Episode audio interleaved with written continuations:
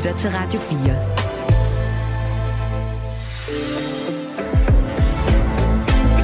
Velkommen til Mandat. Din vært er Katrine Eidel.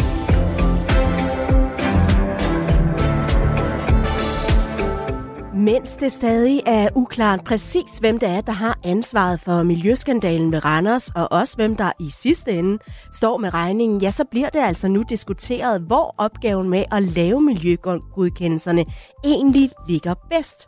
For har kommunerne overhovedet evnerne og viljen til at stå for miljøgodkendelserne, og også de her tilsyn, som de også skal holde styr på, det har Randers Kommune i hvert fald ikke. Det mener medlem af byrådet for det lokale parti Beboerlisten Bjarne Overmark. Det er fordi man hverken har evnerne eller viljen til rigtig at tage sig af det. Øh, fordi der også er nogle økonomiske interesser involveret for kommunen. Der kan man sige, der mangler et armslængde princip. Og den holdning, den er han altså ikke alene om. Vi vender tilbage til Nordic Waste og miljøgodkendelserne lige om lidt, hvor vi også skal høre fra en øh, kommunalpolitiker, der er rigtig tæt på jordskredsskandalen, i hvert fald sådan helt geografisk. Senere i programmet, der skal vi tale EU. Ja, den er god nok. 2024, det bliver i den grad et øh, EU-år, så du kan lige så godt vente dig til det.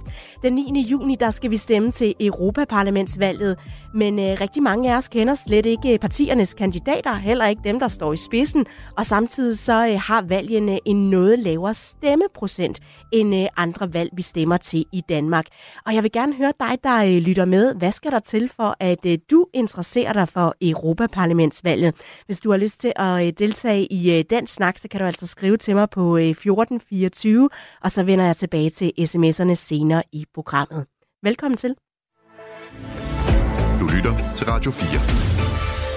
Mens borgerne i øh, landsbyen Øl Syd i Randers Kommune frygter at blive begravet i flere meter jord, som oven i hatten tror med at flyde ud i Alling Å og forurene de indre farvande, ja, så har politikerne på Christiansborg åbnet for en debat om, hvorvidt opgaven med de her miljøgodkendelser og miljøkontrol af virksomheder fortsat bør ligge som en opgave hos kommunerne. Den har de ellers haft siden 2007 i forbindelse med kommunesammenlægning. Der blev den opgave altså flyttet fra amterne og ud til netop kommunerne. I går der kunne vi så her øh, på Radio 4 øh, på baggrund af en rundringning til samtlige politiske partier fortælle, at det tre partier, det er Enhedslisten, det er Alternativet, det er Danmarksdemokraterne. De ønsker, at det her ansvar for miljøkontrol og miljøgodkendelse af virksomheder bliver flyttet væk fra kommunerne og øh, over til øh, regionerne eller staten eller noget helt tredje. Og derudover så er fem andre partier ikke afvisende, men de vil så lige vente på, at man har grænsket den her Nordic Waste-sag. Erling Kvist Andersen, formand for Teknik- og Miljøudvalget for Socialdemokraterne i Fagerskov Kommune. Velkommen til mandat. Velkommen til mandat. Tak for det. Kommunegrænsen mellem øh, Fagerskov og Randers, hvis man ikke lige er stærk i uh, geografien, den ligger altså kun et uh, par hundrede meter fra Nordic Waste grund, hvor det her meget omtalte jordskred langsomt, men altså sikkert bevæger sig fremover. Hvor bekymret er du for det, som lige nu foregår på den anden side af kommunegrænsen? Jamen det er jeg selvfølgelig stærkt bekymret for, både som almindelig borger i Danmark, men også for vores kommune, Fagerskov Kommune, hvor vi har det kan også påvirke os. Det er ikke sådan, at jorden ryger ind i vores kommune, men vi har jo nogle øh, beboere, vi har nogle lodsejere, som har fået et øh, tålebrev, som skal finde sig i, at der kommer til at ske nogle ting på deres grunde. Og der er for eksempel, vi har en stor øh, producent af økologiske æg, som øh, risikerer, at øh, hans jord bliver fyldt med øh, forurenet vand, øh, og, og så vil han jo ikke kunne opbevare sin øh, økologiske produktion. Så det kan have en kraftig betydning for os. Og en anden ting, det er, at man har nogle planer om muligvis at omlægge en del af det vand, der løber i Allingå, forbi øh, Nordic Waste, og omlægge det til en bæk i Fagerskov Kommune, sådan at, som vil få en meget kraftig forøget øh, vandmængde, så, så det har også en betydning for vores kommune. Og hvor meget fylder det, der sker så på den anden side af kommunegrænsen lige nu? Altså er det noget, der bliver talt om på øh, byrådsgangene og foran brusen osv.? Det bliver, betalt, det bliver det talt rigtig meget om. Altså, i det udvalg, hvor jeg er formand, der får vi meget grundige informationer øh, løbende om status. Vi, vi er jo ikke som politikere indblandet, men vi får en orientering fra vores øh, direktør, som øh, bliver orienteret grundigt fra både Miljøstyrelsen og Randers Kommune. Og hun sender også øh, løbende informationer til hele byrådet, så vi får den bedst mulige orientering. Men det fylder der også, når man taler med borgere rundt omkring, så er det det emne sammen med snerydning, der fylder mest lige for tiden. Nordic øh, Waste-sagen i øh, Randers Kommune, det er jo altså bare en i rækken af miljøskandaler, der har været de seneste år, og det er jo altså nok også det, der får flere partier til at kræve, at kommunerne ikke længere skal have det her ansvar for miljøgodkendelsen og miljøkontrollen af, kommunens øh, virksomheder. I lyser ikke bare den her Nordic Waste-sag, men, men som er lige altså på den anden side af jeres kommunegrænse, men også andre miljøsager. Øhm, mener du så, at man bør øh, lade den her opgave med miljøgodkendelse fortsat ligge i kommunerne, eller skal man gøre, som nogle andre partier mener, centralisere det, for eksempel hos regionerne eller, eller hos staten? Altså jeg mener egentlig som udgangspunkt, øh, det fungerer fint. Altså jeg har ikke øh, kendskab til, at der skulle have været nogle øh, problemer lokalt. Jeg kender jo kun min egen kommune. Jeg ved ikke, det der foregår i Randers, det kan jeg ikke forholde mig til. Men øh, mange af de sager, som man øh, går ud og laver miljøgodkendelse for og tilsyn osv., det er jo mindre ting. Det er jo landbrug, benzinstation osv., mindre virksomheder, og det mener jeg fint, man har styr på. Altså jeg har ikke hørt om her lokalt, at, at der skulle være nogle problemer. Og så forestiller mig, hvis, hvis der skulle være nogen komplicerede ting, man ikke mener, man har basis for selv at behandle, så må man jo øh, gå til ekspertise udenfra, der er private øh, rådgivningsfirmaer osv., jeg tænker, man kan trække på, hvis det skulle være. Men, men jeg har aldrig hørt om det i min 18-årige byråd, at, at øh, det har været et problem med de lokale øh, tilsyn. Og, og, så, så nej, jeg synes egentlig, at, at det ligger okay, som det ligger nu, som udgangspunkt for, for alt det almindelige arbejde, man laver. Men mener du så, at man skulle dele det op, sådan, så man måske differentierede den her type opgaver? Nu siger du, okay, det er måske nemt nok, hvis det er en tankstation eller noget af den stil. Altså, burde man dele dem mere op, så de her opgaver, der kommer ind i, i de ukomplicerede og de måske lidt mere indviklede? Altså man kunne selvfølgelig godt øh, overveje, om man skulle have en mulighed i, i de komplicerede sager til at gå trin op øh, til noget mere ekspertise. Øh, fordi det er jo rigtigt, at små kommuner har man måske ikke ekspertise inden for alle områder. Men øh, jeg tænker egentlig, som udgangspunkt øh, skulle man ikke lave det om. Men, men selvfølgelig kunne man overveje noget for, for det, man vurderer som, som særligt komplicerede sager. Og nu har I jo så øh, bare nogle øh, 100 meter fra jeres kommunegrænse i Fagerskov Kommune, den her virksomhed Nordic Waste. Vil du have været tryggere ved at have sådan en virksomhed liggende på den anden side af kommunegrænsen, hvis det for eksempel var en region eller en miljøstyrelse, der skulle godkende og føre kontrol med det her sted? Øhm, altså nu, nu, det her hele Nordic West-grunden, øh, det startede jo egentlig i Aarhus Amt med, at man gav en øh, tilladelse at lave en plan for, hvad der skulle ske, og det er jo den plan, man sådan set arbejder videre på, så det har været op på, på et andet niveau. Så nej, ja, og lige nu der ved vi ved jo ikke, før man har undersøgt nærmere, er det kommunens øh, miljøhåndtering, der ikke har været perfekt, eller, eller er der sket nogle ting på virksomheden, som ikke har givet de korrekte oplysninger, eller handlet imod de øh, tilladelser, man har fået. Så altså, jeg, jeg synes, jeg afventer en afklaring. Jeg har egentlig følt mig rimelig tryg ved at øh, gå ud fra, at behandlingerne er i orden, og at man ikke vil godkende noget, som ikke er i orden. Men altså, alt kan jo blive bedre, og jeg forventer da, at alle vil lære af den her sag. Tirsdag aften der havde mine øh, kolleger i programmet Aftenradio besøg af Alternativets miljøordfører. Hun hedder Sasha Sascha Faxe, og hun er en af de miljøordfører på øh, Christiansborg, der mener, at det her område altså ikke bør ligge hos kommunerne. Og hun sagde sådan her. Problemet er, at vi står i en situation, hvor kommunerne har en, en interesse i arbejdspladser og, og skatteindtægter, den anden del af udfordringen er også, at man efter strukturreformen, da man flyttede det fra amterne ud i kommunerne, så fik man jo lavet 98 afdelinger, og, og altså, der sidder en i hver kommune og skal lave det her.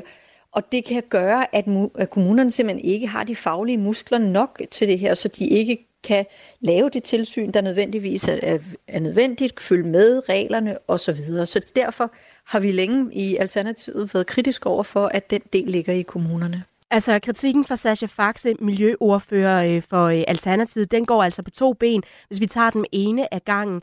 Øh, dels er hun bekymret for, om alle 98 kommuner har de her faglige muskler, som hun siger, til at kunne løfte den her opgave. Og så er hun altså også bekymret for, om der kunne være en øh, interessekonflikt i, at kommunerne på den ene side skal tage hensyn til miljøet, men samtidig så skal de jo altså også tiltrække nogle arbejdspladser og få nogle øh, skattekroner til øh, kommunen.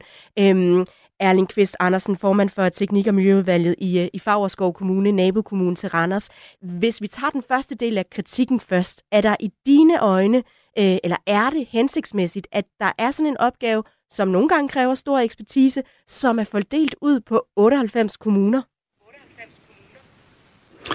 At nu bliver sagt, at der kun er én person i hver kommune. Det tror jeg nu ikke er rigtigt. Øh, så jeg tror faktisk, der er et, øh, et team, der arbejder med det her. Så jeg tror egentlig, og man oparbejder jo en øh, erfaring og så videre i, i løbet af tiden. Så, så jeg tror, jeg er egentlig ikke nervøs for, for det. Altså man kan sige, for, tidligere, der, der var der altså 14 amter. Det var heller ikke... Øh, Ja, men selvfølgelig kan det være, og nu kan jeg kun udtale fra min egen kommune, det, det er en forholdsvis øh, stor kommune med 50.000 indbyggere, så jeg tror egentlig her, at ekspertisen er til stede. Jeg tør ikke sige, øh, der kan være mindre kommuner, men der går ud fra, at man finder en måde at få den ekspertise, som man har brug for. Så der er jo ikke nogen, der kan være interesseret i, at det ikke bliver løst ordentligt.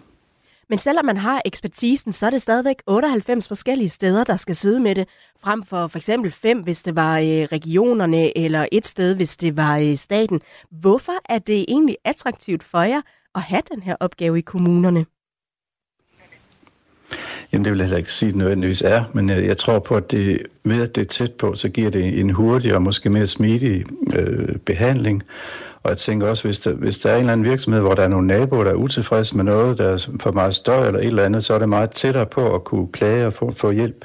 Altså, det jeg oplever, det er, at mange af de ting bliver flyttet væk fra kommunerne, for eksempel til staten, at det fungerer noget mere usmidigt, når det først er kommet dertil. Altså eksempler med øh, skat, gældsinddrivelse, familieretshus og ejendomsvurdering osv. Altså det er jo ikke blevet, nødvendigvis blevet bedre at komme væk fra kommunerne, så, så jeg tænker egentlig, at øh, det, det normalt, under normale omstændigheder vil, vil være mere smidigt og, og bedre fungerende, når det er tæt på borgerne og tæt på virksomhederne.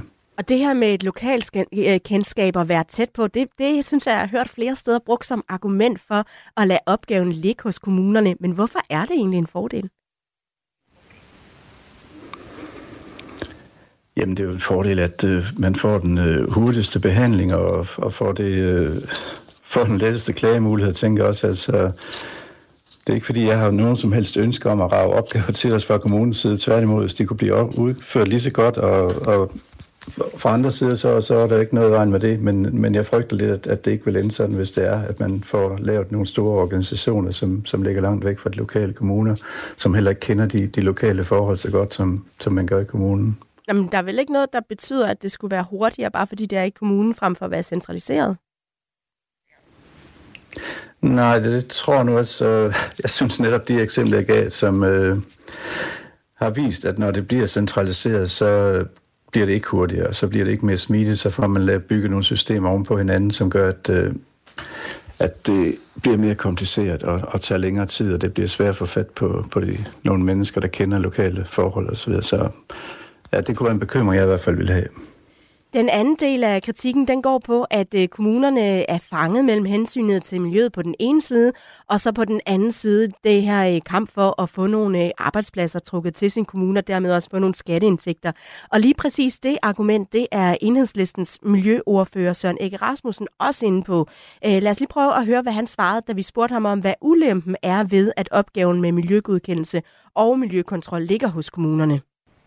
Ja, det er, at der ikke rigtig er en armslængde, fordi en kommune kan jo godt have en interesse i, at der er for eksempel nye virksomheder, der etablerer sig lige netop i deres kommune. Men jeg kan forstå her, at, at Randers Kommune har været meget velvillige over for, at, øh, at den her jordrensningsvirksomhed skulle ligge i, i Randers Kommune. Og så man, øh, betyder det så, at man har været kritisk nok, øh, når man skulle øh, forholde sig til, øh, hvor meget jord at de måtte øh, modtage og og hvad de skulle have tilladelser. Altså, der er, jeg tror ikke at der er en længere armslængde, og det ville der have været, hvis det var regionerne, som stod for miljøkontrollen. Det er nok et uh, argument, du har hørt før, Erling Kvist Andersen, øh, men bør der i dine øjne være længere armslængde i sager om uh, miljøkontrol og miljøkodgænse? Jamen, jeg har egentlig to ting. Det ene er, at jeg har aldrig oplevet, at vi som politikere er inde over sagsbehandling. Altså, vi bliver jo ikke spurgt eller, eller har indflydelse på det. Det kører jo, for mig har det været et lukket øh, system.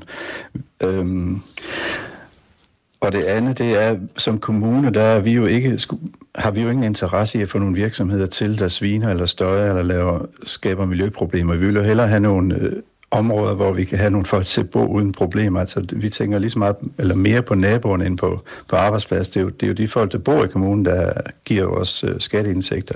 Det er jo ikke nødvendigvis nogen virksomheder, slet ikke nogen svinende virksomheder. Så jeg forstår ikke, at der skulle være nogen interesse fra nogle politikere i at, at tiltrække den type virksomheder. Når Nordic Waste er kommet til at ligge, hvor den nu ligger i, i Randerskolen, så er det på grund af nogle helt specielle forhold, at der var en stor øh, 40 meter dyb grav, hvor man kunne deponere noget, så det, det har været nogle helt andre forhold, der har gjort det.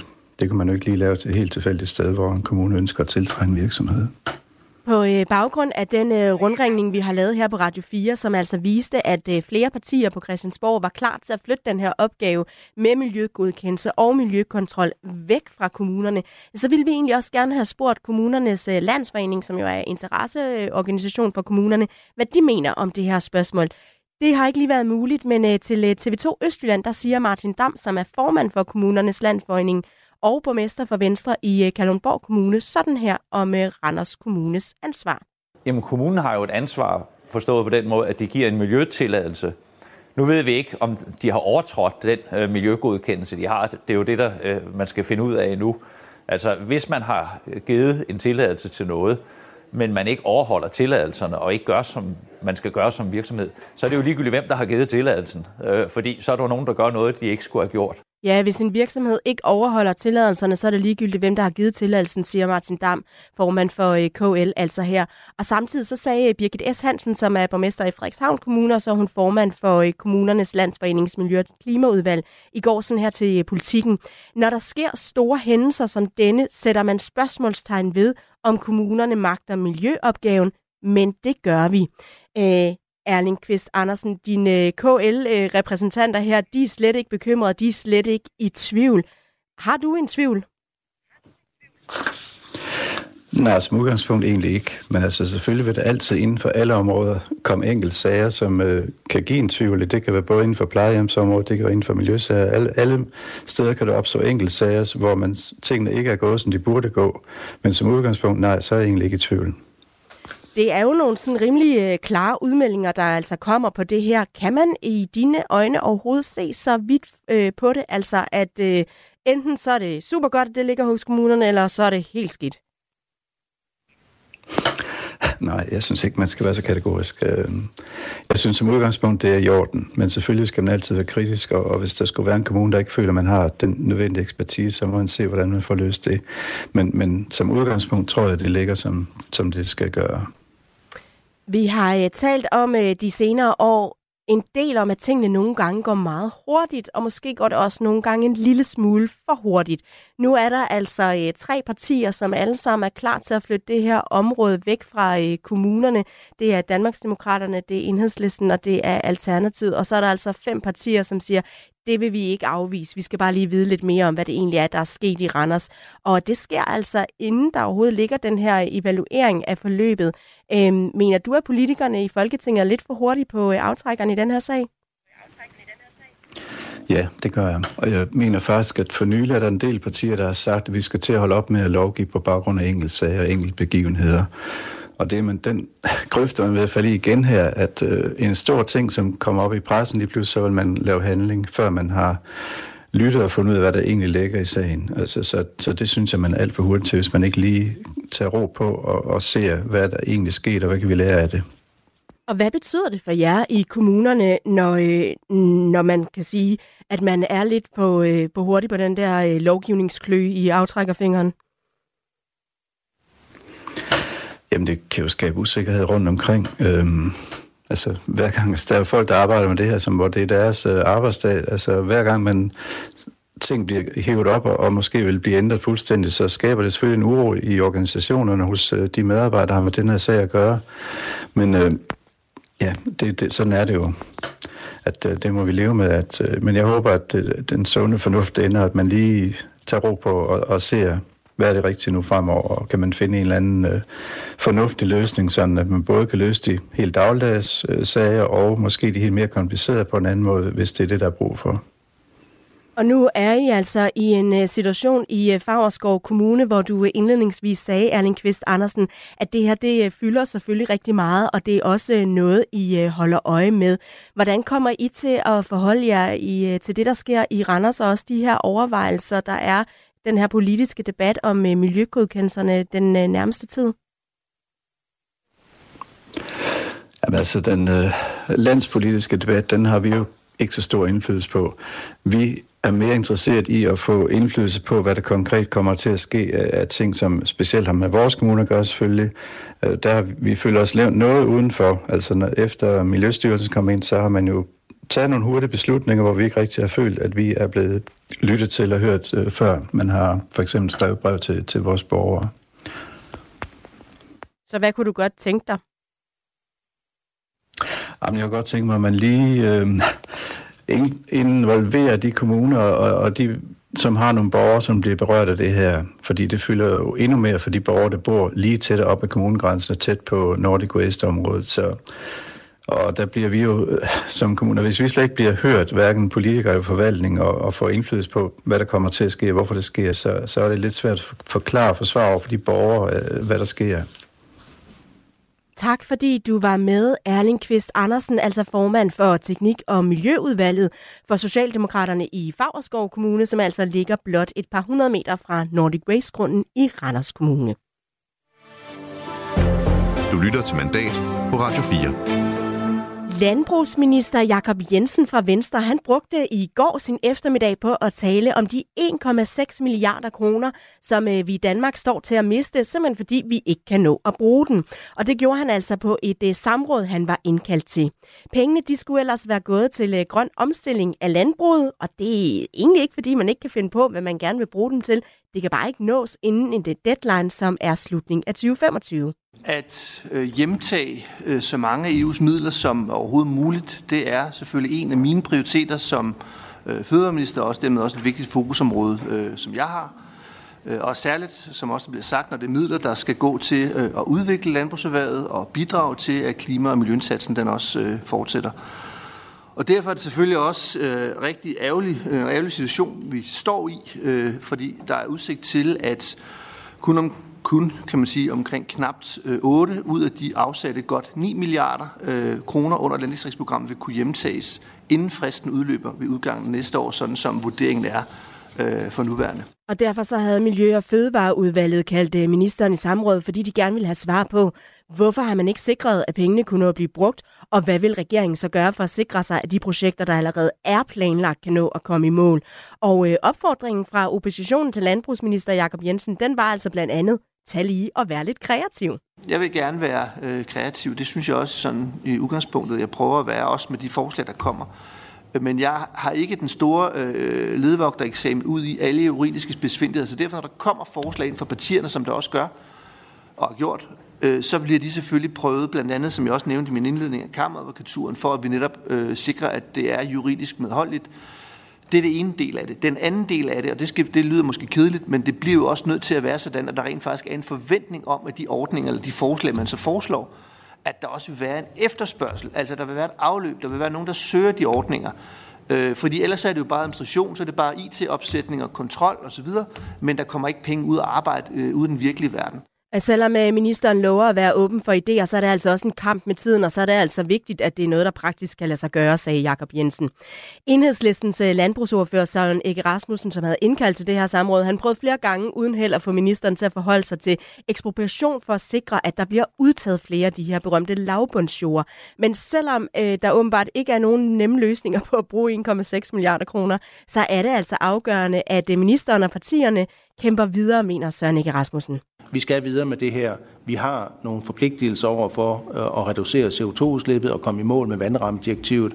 Og hvis ikke vi kan formå at bruge øh, pengene, som er øremærket til grønne indsatser øh, fra EU-landbrugsstøttemidlerne, så er det en forlitterklæring. Så, og det vil være en, en fælles forlit, vi så kommer ind i der, hvis ikke det lykkes os at bruge de her 1,6 milliarder. Så det er sådan set det tilsavn, jeg gerne vil give og kæmpe videre for, at, at vi finder på nogle gode løsninger.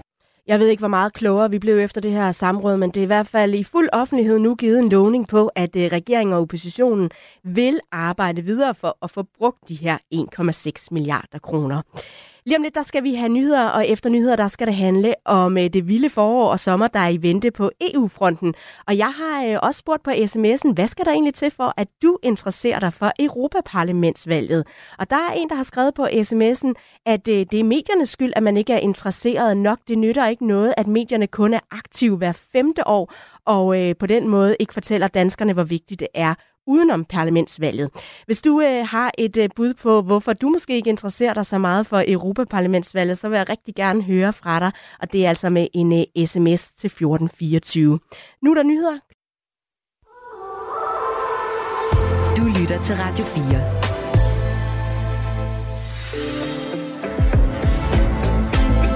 Velkommen til Mandat. Din vært er Katrine Eidel.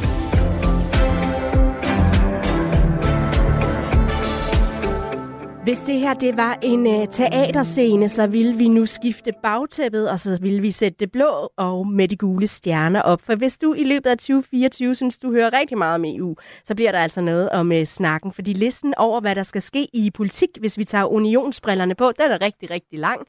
Der er øh, Europaparlamentsvalg i juni. Herhjemme der skal vi stemme den øh, 9. Juni. Så er der en politisk ledelse, der skal udskiftes i EU. Der skal sandsynligvis findes en øh, ny EU-præsident lidt tidligere end forventet, fordi den nuværende Charles Michel vil stille op til Europaparlamentsvalget. Og så skal vi sørge med også vælge en EU-kommissær fra Danmarks side. Det er nærmest lige til at miste pusen af. Gør du også det, Iben Schakke? Ah, jeg kan godt holde det. Velkommen til Iben Schakke, analytiker og øh, kommunikationschef i øh, Tænketanken Europa, og en af dem, der sidder med både hovedet og nallerne nede i det her område øh, hver eneste dag. Inden vi kaster os over sådan, de konkrete emner, så vil jeg gerne høre dig til, hvad, hvad er det ved øh, europæisk politik og EU, der tiltaler og interesserer dig? Jamen, jeg synes, det er øh, utrolig spændende at følge med, hvordan de europæiske lande de sidste mange, mange år er begyndt at arbejde rigtig tæt sammen på utrolig mange områder. Øh, det er jo nok en konsekvens af, at Europa er et, et, et sted med rigtig mange små lande, så hvis man vil gøre sig gældende internationalt, både over for USA og Kina og Indien og andre store lande, så er man ligesom nødt til at arbejde sammen i Europa. Og den øh, politiske udvikling, vi har set i Europa, er sådan relativt unik. Vi har ikke andre steder på planeten, hvor man har fundet ud af at bygge så mange institutioner og samarbejde om så meget, som det vi gør i Europa. Så på den måde, når man nu interesserer sig på, på politik, så er det også sådan lidt interessant at se, hvordan udspiller det her sig så, det samarbejde. Øh, og hvordan er det, man nogle gange er gode til det, og andre gange mindre gode til at arbejde sammen på tværs. Men selvom det her så er et område, som betyder rigtig meget for os alle sammen, så er det jo også et sted, hvor det kan være lidt svært at komme igennem. Hvordan oplever du det? At komme igennem med sine øh, holdninger eller meninger eller syn? Ja, at få uh, taletid mm, og uh, gul bjælketid ja. og hvad det ellers kan være.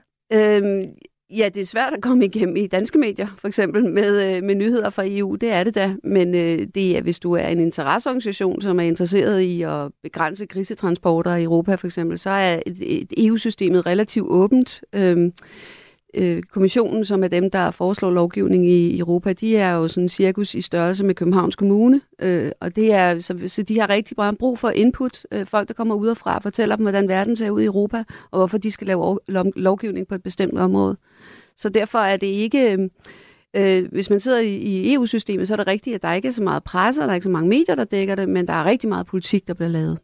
Jeg har set en øh, ny undersøgelse, som øh, Opinion har lavet for DR og øh, Altinget.dk, og den viser, at over halvdelen af danskerne ikke kender ni ud af de 12 spidskandidater, der nu er øh, fundet øh, fra partierne. Altså det er ikke sådan, nah, jeg ved ikke, hvad de står for. De kender dem ikke. De Nej. ved ikke, hvem de er. Er det øh, sådan symptomatisk for vores øh, forhold til EU?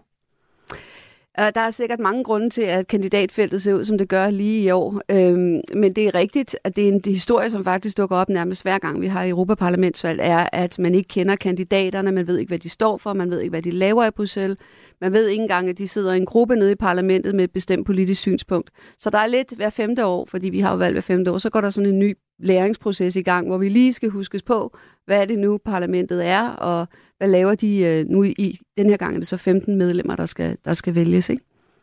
Jeg øh, har jo spurgt på øh, sms'en, hvorfor er det, du ikke interesserer dig for Europaparlamentet? Og det har jo gjort lidt frægt ud fra den her undersøgelse, også ud fra, at øh, modsat øh, kommunalvalg og folketingsvalg og hvad vi ellers har valgt, så øh, er stemmeprocenten til Europaparlamentsvalg typisk væsentligt lavere øh, her i øh, Danmark. Og øh, jeg har blandt andet fået en øh, besked fra øh, Michael, som skriver, vi skal dagligt, ugenligt mindes om, hvilket enormt stort fællesskab vi er en del af, og ikke kun hver femte år. Så hans pointe er altså, det handler om, at, at vi... Øh, vi, vi kun interesserer os for det, når, det er, når der er valg, og egentlig ikke sådan uh, indimellem. Du kan også uh, sende en sms til os, hvis du uh, vil komme med dit uh, synspunkt på, hvad der skal til, hvis man skal være lidt mere ops på uh, EU-politik. Det er jo altså uh, 1424. Uh, øhm, nogle gange uh, i den Schakke, så hører man jo altså også det her udtryk, nede i EU.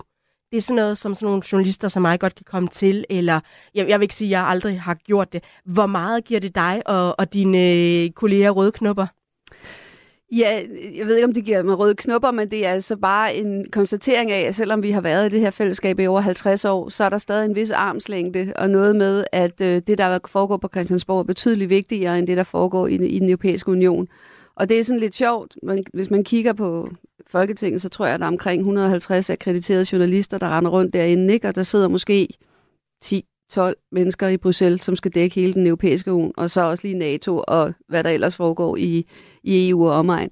Så der er jo selvfølgelig... Øh, et, et, blikket er i danske medier rettet et andet sted hen øhm, end, end i, den, i den europæiske union, øh, på trods af, at rigtig meget af det lovgivning, som omgiver os hver dag, altså hvad er det, der lovgiver om, hvad vi putter i munden, eller hvad er det, der lovgiver de, med, de tv, vi køber og sådan noget, det er jo EU-regler, som, er, som, som gælder der. Ikke? Så, så, så det, er, det er lidt interessant, at vores, øh, vores fokus er så meget på Christiansborg, men det er nok også fordi, når vi kommer til EU, så er EU enormt god til at producere regler, men EU har ikke på den måde så mange penge. Der er et budget, og der går rigtig mange penge til landbrug og den slags, men, men hvis det er ikke som den fordelingspolitik, vi har herhjemme, hvor vi virkelig betaler meget skat, men også fordeler en masse penge bagefter.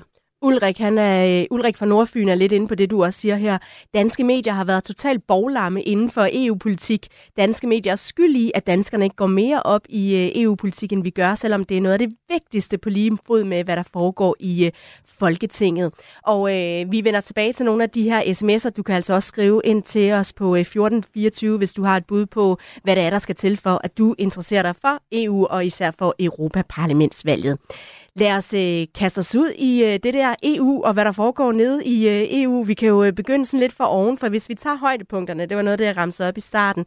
Øh, et øh, Europaparlamentsvalg og en god omgang stoleleg på forskellige europæiske topposter. Iben Scharke, analytiker og altså kommunikationschef i øh, Tænketanken Europa. Hvor vigtige punkter for Europa er det så, der er på dagsordenen her i 1424? Jamen, det, der er jo faktisk en hel række vigtige punkter, ikke? fordi vi står jo og har stået de sidste mange år i EU med rigtig mange kriser, der sker samtidig. Vi har en krig øh, i Ukraine. Vi har en migrationskrise, som ikke, man ikke kan sige er løst, og som har været eksisteret siden 2015. Vi har problemer med økonomisk vækst. Vi er i hård konkurrence med økonomier, der lukker sig om sig selv, nemlig Kina og USA. Og så har vi også klimakrisen, Øh, og derudover er der alle mulige andre øh, store og små problemer, som, øh, som, som, som vi løser på EU-niveau. Øh, og det gør jo, at alle de her kriser har gjort, at EU faktisk de sidste par år har arbejdet ligesom i sådan et krisemode. Altså hvor man har vedtaget mange store grønne forslag, men man er slet ikke færdig. Fordi hvis man skal være en generel grøn omstilling i Europa, så er der stadig rigtig meget, vi mangler. Vi mangler i EU det samme, som vi mangler i Danmark, nemlig en eller anden form for regulering af landbrug. Øhm, der er altså en krig, som ser ud til at trække meget lang tid ud, og som også handler om sikkerhed ved vores øh, østlige grænse og vores forhold til Rusland, eller manglende forhold til Rusland. Så der er en hel del kriser, som er nærmest per automatik europæiske beslutninger. Øh, og og de, er, de ligger jo også til den næste kommission, øh, som vi så skal have valgt her til næste efterår. Og det lyder jo som om, at øh, de kriser, det er i høj grad også noget, der vedkommer os her i Danmark. Altså sikkerhedspolitik, klimapolitik, vækstpolitik. Hvordan øh, konkret er det, at, øh, at det er vigtigt for os? Men det er jo, altså, nu har vi jo bare i dag, hvis du hører radioen, så har der jo oversvømmelser rigtig øh, mange steder i Danmark. Øh, det er, vi er et land, der ligger lavt. Vi skal, øh, vi skal måske til at indrette os på en helt anden måde. Meget af det lovgivning, der vi skal rette os efter der, det kommer fra EU. Efter øh, Mette Frederiksens øh, nytårstale den 1. januar, så var der jo tale om, at det var en mere øh, pro-europæisk statsminister, end hvad man ellers tidligere havde hørt. Lad os lige prøve at høre, hvad hun øh, siger her i nytårstalen. Jeg tror ikke, at uroen og konflikterne er forbigående. Vi er ved starten af en ny æra. Og uanset hvad der sker, også efter præsidentvalget i USA til november, så skal Europa kunne mere. Og vi skal ville mere. Iben Schakke, er du enig i, at det var en øh, mere sådan pro-europæisk statsminister end tidligere, vi hørte? Øh, ja, det synes jeg egentlig, men det er også en statsminister, som jeg synes er meget realistisk i synet på de udfordringer, som vi har. Når hun taler om, at Europa skal kunne mere, så handler det jo blandt andet også om øh, det sikkerhedspolitik, som vi berørte lige før. Øh, vi har øh, nogle forsvar i Europa, som i forsvar og sikkerhedspolitik er ikke en særlig stor del originalt i EU-samarbejdet, men det er ved at blive det især på det, der hedder forsvarsindustriområdet. Altså det her med at udvikle og producere våben i Europa, så vi også kan forsvare os selv. Og hun sagde jo også selv, at øh, vi kan risikere at få præsident Trump valgt i USA til næste efterår, og det kan jo betyde en del i forholdet mellem USA og EU. Ikke? Øh, det er svært at vide præcis, hvad Trump vil med NATO, og hvis NATO ikke er vores sikkerhedsgarant mere, hvor er det så, vi kigger hen? Så er vi alene med Putin, øh, og det skal man jo også som statsminister i Danmark tage højde for. Så hvordan er det, hun er mere realistisk? Jamen, jeg synes, hun er realistisk i sit syn på, at de der kriser, vi har, det er ikke noget, som Danmark kan stå alene med, og der er det heller ikke nok at have USA som en god ven, som vi har haft i rigtig mange år. Men er nødt til også i Europa at kunne nogle flere ting selv, og det kan man kun, hvis man arbejder sammen. Det kan landene ikke alene. Hvad betyder det så, at, øh, at statsministeren kommer med for eksempel i nytårstalen sådan en, en udtalelse, og at øh, hun måske er, er, er blevet mere opmærksom, måske ikke mere pro, men i hvert fald mere opmærksom? Jeg synes også, det måske afspejler lidt i virkeligheden, hvordan EU-samarbejdet har fungeret de sidste fem år. Ikke? At man øh, blandt stats- og regeringscheferne har taget utrolig mange beslutninger, og at det, den institution i EU, som hedder det europæiske råd, øh, og hvor Mette Frederiksen og kolleger mødes, øh, de har jo mødtes mange flere gange, end man, man egentlig burde ifølge traktaten, så mødes de rigtig ofte. Øh, især under coronakrisen mødtes de rigtig ofte, men man kan se, at de ligesom har taget styringen på det politiske på de politiske beslutninger øh, i, øh, i EU, selvom de ikke juridisk er dem, der skal tage beslutningen. Det er rådet og Europaparlamentet sammen. Øhm, og der, der, der bliver lavet mange øhm, øh, aftaler, blandt andet lige efter coronakrisen blev man jo enige om at lave den her kæmpe store fond, der hedder EU's genopretningsfond, hvor der ligger 750 milliarder euro, som man så skulle bruge til at genopbygge Europa efter corona, blandt andet ved at investere flere, mere i grønne og digitale projekter. Og den type beslutninger, det er kun noget, som stats- og regeringscheferne kan tage. Hvis vi uh, tager Europaparlamentsvalget, som vi jo altså alle sammen skal stemme til uh, til juni, um, hvilke mekanismer forventer du set blive sat i gang, når det nu så kommer til at nærme sig? I forhold til Europaparlamentsvalget? Altså, I forhold til herhjemme? Jamen altså, vi, det, valgkampen er jo så småt ved at gå i gang, og man kan jo så sige, at Europaparlamentsvalget er jo lidt et sjovt valg, fordi selvom vi vælger nogle medlemmer til det her 720 øh, sto, store øh, medlemmer store parlament i, i, i Bruxelles og Strasbourg, så afspejler det jo også rigtig meget national politik og de dagsordner, som vi har herhjemme. Øh, der er 27 medlemslande, og der, man kan jo nærmest også sige, at der er 27 øh, nationale valgkampe. Så selvom vi kommer til at tale mere rigtig meget om EU, så vil det også afspejle lidt, hvad det politiske klima er herhjemme, og hvad, hvad det er, vi går og diskuterer. Hvordan det? Hvordan det? Jamen, jeg kan forestille mig, at øh, der er to emner, der kommer til at fylde rigtig meget. Det ene er klima, øh, fordi vi nu har haft øh, en masse øh, vejr her på det sidste, der har gjort os opmærksom på, at øh, der er nogle ting undervejs, der er ved at ændre sig. Det andet, det er migration. Øh, migration, tror jeg, fordi at det er en af de store kriser, som EU faktisk ikke har været så gode til at løse. Man er lige før jul blevet enige om en stor migrationspagt, men den dækker stadig kun nogle ting. Den dækker ikke, hvad kan man sige, hele problemet, fordi det er jo ikke et problem, man bare lige sådan kan løse. Der er mange redskaber, der skal i spil, ikke? og det, det vil også være et stort emne i den næste periode. Og vi skal jo så vælge 15 danske parlamentsmedlemmer, der skal være en øh, del af Europaparlamentet. Hvad betyder det for Danmark, hvordan det her valg falder ud? Øhm, det betyder jo rigtig meget, hvad, hvordan man vil håndtere de her kriser, som vi har talt om. Ikke? Øhm, kigger man ud over Europa, ikke så meget på Danmark og de meningsmåler, der ligger der, men kigger man ud over Europa, så kan vi se, at øh, partierne til højre for midterpartierne, de, øh, de vokser rigtig meget lige nu. Det er Alternative for Deutschland i Tyskland, det er Rassemblement National i Frankrig, den type partier. Øh, og der kom en måling i går, der viste, at øh, i 9 ud af 27 medlemslande, der vil de her højrefløjspartier faktisk øh, blive nummer et øh, til valget til Europaparlamentet. Europaparlamentet fungerer også i nogle, i, lidt i nogle lande som sådan en slags protestvalg. Um, hvis man er irriteret eller frustreret over den siddende regering, så stemmer man ligesom på dem, der siger det modsatte.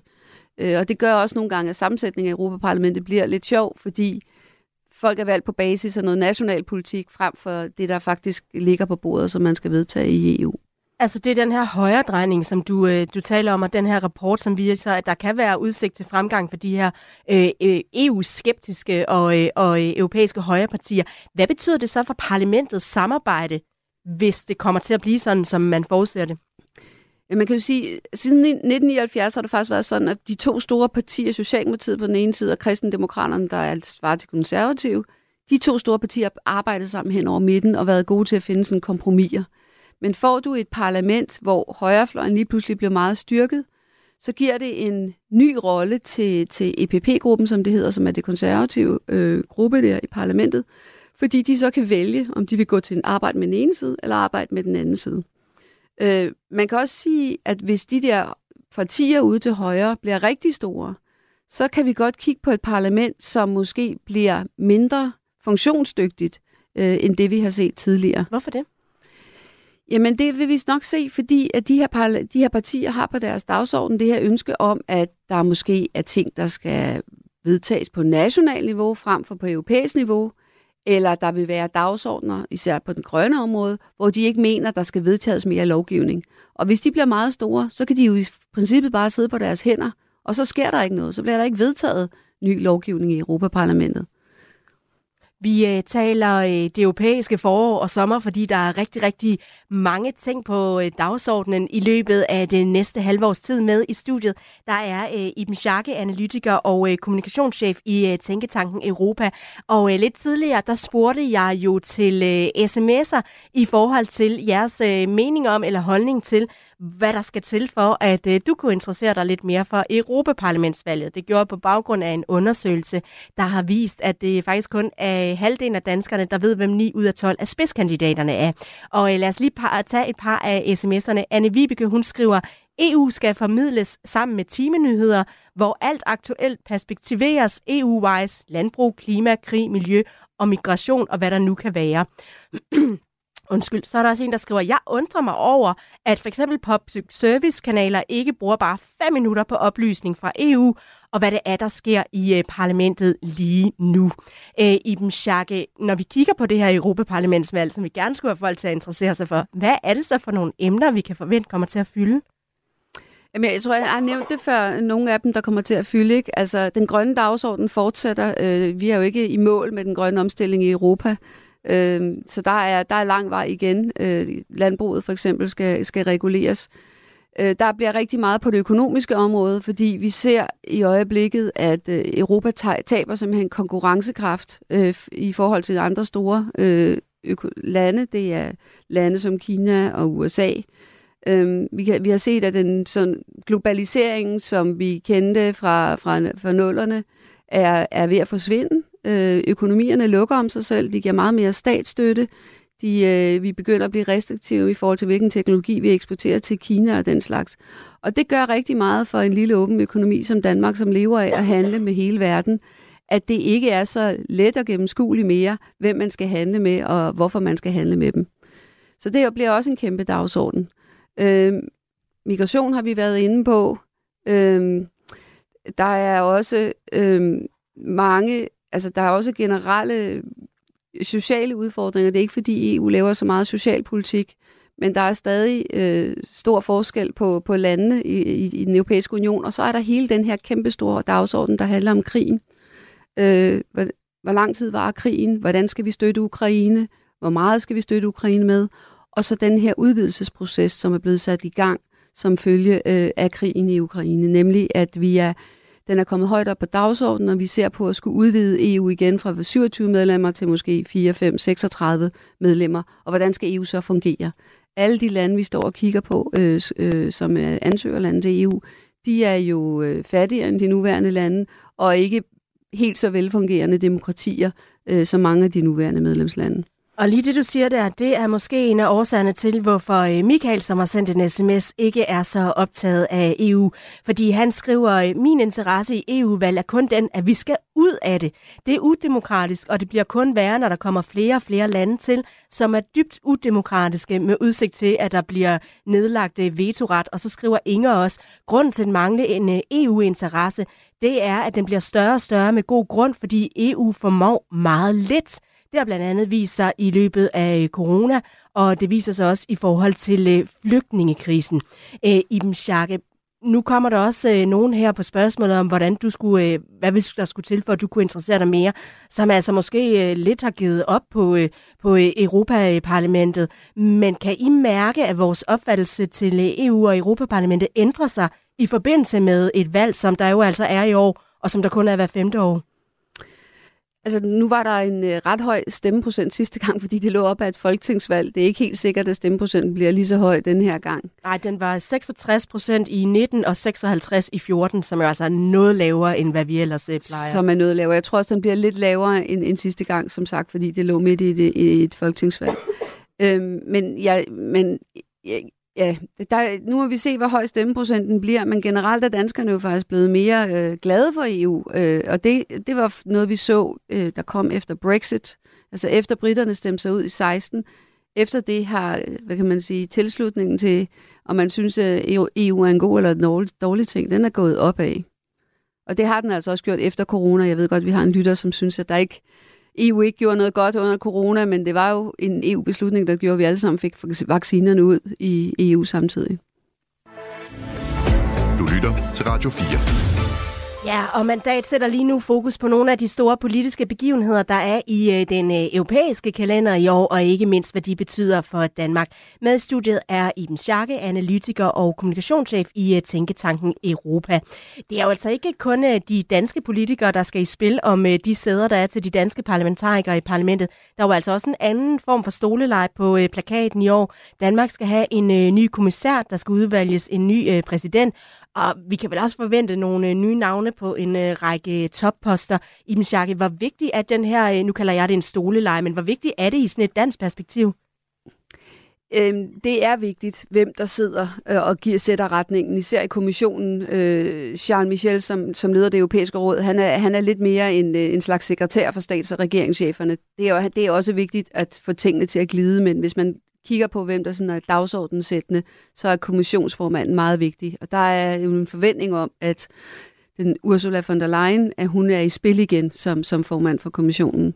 Så, så det, er, det er vigtigt. Øhm, men øh, det, er, det er lige så vigtigt, om man så må sige, at finde nogle mennesker, der formår at skubbe sagerne igennem det der EU-system, og som har en, en forståelse af, hvor er de, de forskellige medlemslande kommer fra, hvad er deres interesser, og hvordan kan vi finde en løsning, som alle kan se sig i.